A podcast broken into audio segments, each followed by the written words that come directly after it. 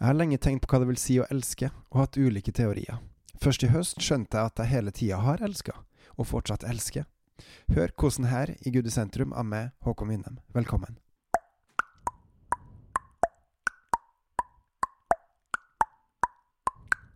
Du kan ikke elske både Gud og mammon, sier Jesus.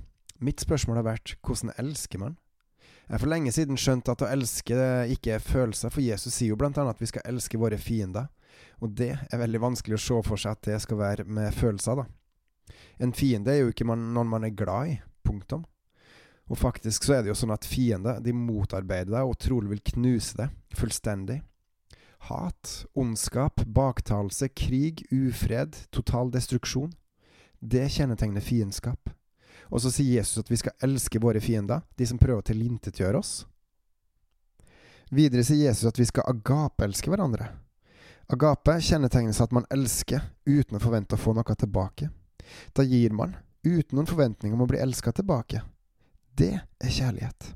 Ikke at man elsker seg sjøl, men at man gir uten noen baktanker, bortsett fra frelse. At man elsker ved å tjene den andre eller hverandre. Det var nettopp det her Jesus gjorde, tjente og ga sitt liv til oss mennesker, for at vi skulle få lov til å kjenne Gud og tjene Han. Hvilken enorm kjærlighet Gud har til oss, at han valgte å ofre sin egen sønn, seg sjøl, for at vi skulle få evig liv med han.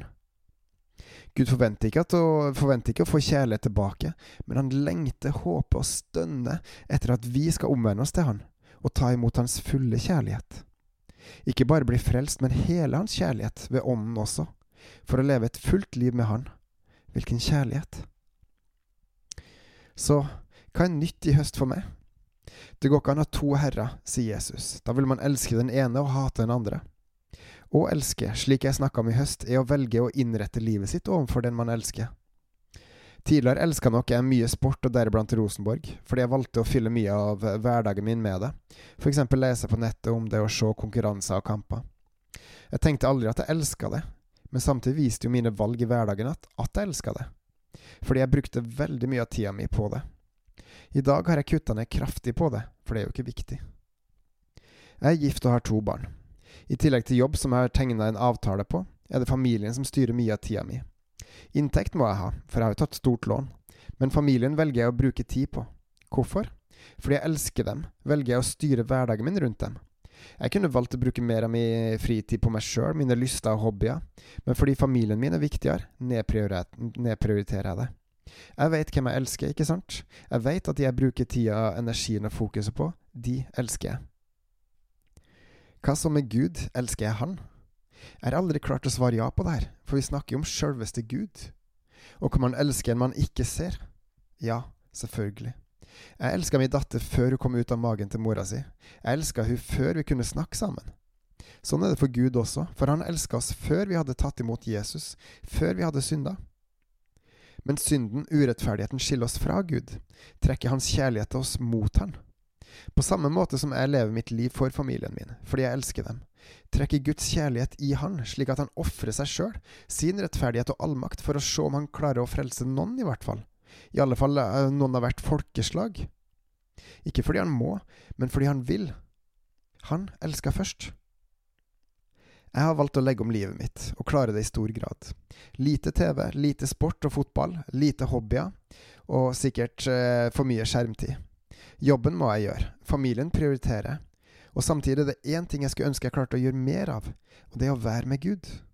Det er jo Han jeg elsker og vil leve eh, livet mitt for. For at andre skal se Han som Han er, bli kjent med Han og se hvor godt og trygt det er. Vi bruker allerede mye tid sammen sporadisk nå og da, f.eks. i biler tidvis mens jeg prater med andre om han, en del morgener på bønnerommet før huset har stått opp. Og samtidig, jeg vil ha mer. Kun i Hans kjærlighet, ved Hans ånd, ved Hans føtter fang, kan vi få opplæring i Hans kjærlighet, visdom og glede. Og kun ved å gå til Han, be om tilgivelse for den urettferdighet vi har begått mot Han og andre, og lytte til Hans ord, vil vi bli satt fri. Fri fra alt jordisk eller djevelsk som har makt over oss, og fri til å tjene og kjenne Han og til å være slave under han, frivillig. Ikke fordi vi må, men fordi vi vil, fordi vi vet at da kan Gud bruke oss sånn som Han vil for å nå andre mennesker, for at også andre skal bli frelst. Og så får vi lønn av det gode arbeidet. Å elske er å leve livet sitt for. Den man elsker, velger man å bruke tida si på.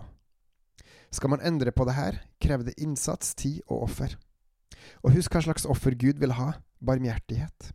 Først for han og brødrene, og også andre, f.eks. svake, fattige, nakne, fremmede, farløse og enker. Vi er kalt til å bygge familien og familiens overhode. Det er Gud. Han skal vi følge, han skal vi elske, han skal vi lyde. Da blir familien oppbygd, i kjærlighet, og andre kan se hvordan vi elsker hverandre, i godt og vondt. Elsk Herren, elsk brødrene, gjennom livet du lever, for evangeliets skyld. Bebels og på gjenhør.